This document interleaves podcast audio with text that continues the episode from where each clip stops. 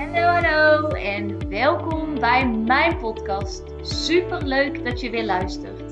Mijn naam is Bente en ik zie het als mijn missie om mezelf en zoveel mogelijk anderen te helpen naar hun droomleven.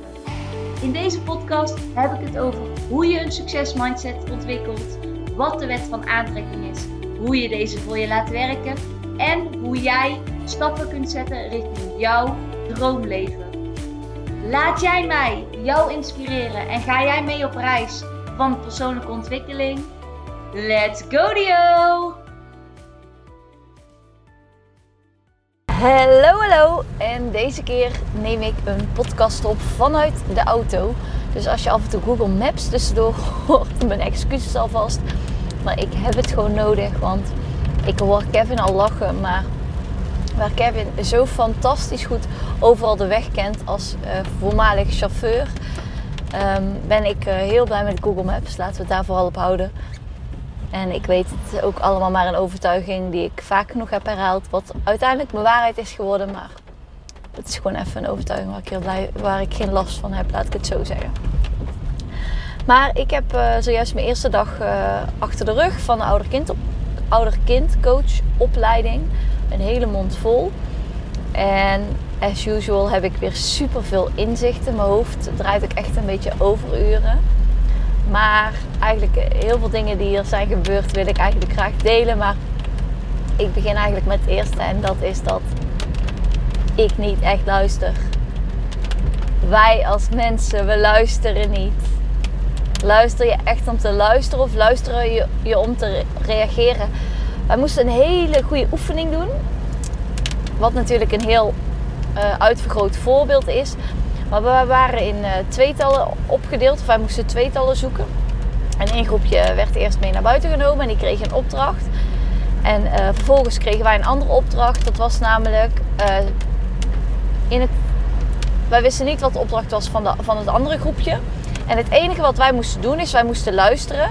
En elke keer dat wij een eigen gedachte hadden, een bepaald gevoel, iets invulden of een oordeel hadden over de ander, moesten wij onze hand opsteken. We mochten verder niet niks terugvragen, we mochten ook niks zeggen, we moesten alleen onze hand opsteken elke keer als dat gebeurde. En dat was heel grappig, want je merkte eigenlijk heel veel dingen op. Je merkte dat de ander totaal uit, uit haar verhaal werd gehaald op het moment dat die hand werd opgestoken. Bij sommige groepjes merkte je zelfs dat de ander ook gewoon maar mee de hand op ging steken. En dat dus heel snel het gesprek ook helemaal stil viel. En andersom was ook het uh, bij de andere partij gebeurde er namelijk ook iets. Bij degene, wij dan, de partij, noem het even groep B, die uh, de handen op moest steken, merkte je het ongemak van de ander en wat dat met jou deed.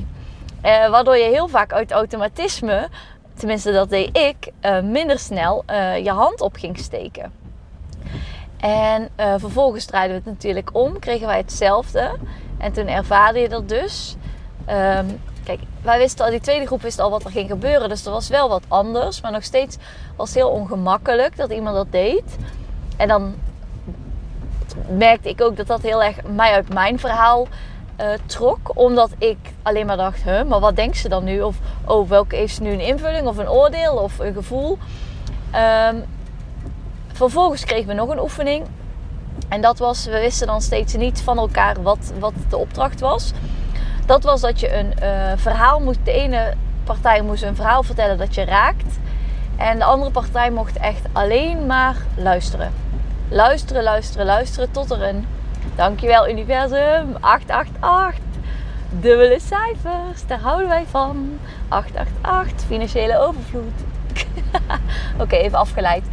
Maar zij moesten een verhaal vertellen dat hij raakte en de andere partij mocht alleen maar luisteren. Dan een stilte laten vallen, die stilte er ook echt even laten zijn. En dan mochten we nog één vraag stellen. Bijvoorbeeld, um, wil je er nog iets meer over vertellen? En wat ik daar dus uithaalde was heel interessant. Want ik dacht, nou, dat is echt mosterd na de maaltijd dat je nog een keer zo'n vraag stelt. Maar wat bleek dus? Bijna al die mensen wilden vervolgens nog wat dieper daarop ingaan. En andersom merkte ik bij mezelf, toen ik het uh, verhaal moest vertellen dat me raakte, merkte ik dat ik die interactie miste. Dat ik het zo gek vond dat iemand alleen maar luisterde. En toen kwam ik tot de conclusie van: holy moly, wij luisteren niet naar elkaar. Nee, wij zijn aan het luisteren om te reageren. Wij horen iets, dan denken we van, oh, daar heb ik ook meegemaakt of wat dan ook. Dan onderbreken wij iemand of... En dan vertellen we over onze eigen ervaring of vragen wat wij willen weten. Terwijl we daarmee vaak een ander volledig uit zijn of haar verhaal uh, halen. En helemaal niet meer bezig zijn met luisteren. En dat was eigenlijk bij heel veel zo uit de opleiding dat we eigenlijk allemaal tot het besef kwamen van wow, wij zijn zo gefixeerd op welke vraag ik dan kan stellen. Of op je eigen haakjes, op je eigen interne stem. Dat je eigenlijk niet aan het luisteren bent naar degene tegenover je. Maar dat je aan het luisteren bent naar je eigen verhaal in je hoofd. Naar je eigen gevoel. En dat is natuurlijk gewoon een patroon wat je gewoon heel vaak zo hebt gedaan. En wat uiteindelijk dan ook zo een patroon is geworden. En ik denk dat de eerste stap daarin bewustzijn is. En zacht zijn voor jezelf. Uh, proberen die oordelende blik even te laten zijn voor wat het is. En gewoon bij jezelf te ontdekken: hé, hey, nou doe ik het weer. Hé, hey, nou doe ik het weer. En wat ik ook wel heel goed vond, die docent die stelt dan ook reflecterende vragen van: Goh, wat haal je hieruit? Of ik gaf bijvoorbeeld aan, ja, ik, merkte wel, ik probeerde een verhaal te vertellen dat me raakte. En vervolgens kreeg ik geen respons. Dat voelde voor mij ook heel apart. En toen gaf ze mij terug van, is dat ook iets wat je herkent? Dat je bijvoorbeeld erkenning of herkenning nodig hebt. En toen dacht ik, oh, ja, dit is gewoon precies. En dit is natuurlijk een uitvergrote situatie. Maar het is een heel herkenbaar onderwerp voor mij. En dat vind ik dan wel heel interessant. Dan met zo'n kleine oefening. Dat dus meteen eigenlijk je pijnpunten worden gespiegeld, worden getriggerd. Uh, naar de oppervlakte komen. En zo had eigenlijk iedere deelnemer, iedere coachie, iedere cursist had daarin zijn eigen stukken. En ik vind het altijd wel heel wonderbaarlijk als je dat uh, ja, durft aan te kijken en daar ja, mee aan de slag durft te gaan. En dat het weer in je bewustzijnsveld kan komen. En ik dacht, dit is zo'n ding wat wij met z'n allen doen. Alleen je bent je er vaak niet bewust van. Het is een blinde vlek. Je ziet het niet of je wil het niet zien. Dat kan natuurlijk ook. Maar ik denk, ik ga hem toch eventjes hier indroppen. Niet om die oefening te gaan doen. Ja, je kan het een keer doen als je echt uh, met twee mensen of met meerdere mensen bent. Die willen werken aan persoonlijke ontwikkeling. En die daarin willen groeien. Maar het is op zich geen oefening om zomaar in één keer met mensen te doen. Maar het maakt heel inzichtelijk zeg maar, waar je pijnpunten liggen. Of waar je aan mag werken. Wat aandacht mag krijgen. En het laat ook echt zien hoe goed jij al kunt luisteren. Of hoe, hoe goed jij daartoe in staat bent. Dus dat is eigenlijk even de korte meegever van... Wees je daar eens bewust en luister jij echt. En luister jij om te luisteren of luister jij om te reageren. En probeer eens een keer te luisteren om te luisteren.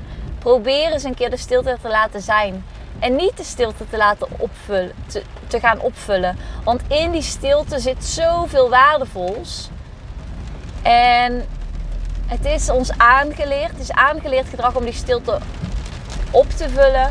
Maar dat hoeft niet. De stilte mag gewoon de stilte zijn. Het begint steeds harder te regenen, dus ik hoop dat jullie mij kunnen verstaan. Maar uh, ja, dit is even mijn reminder. Ga eens bij jezelf na. Hoe goed kun jij luisteren?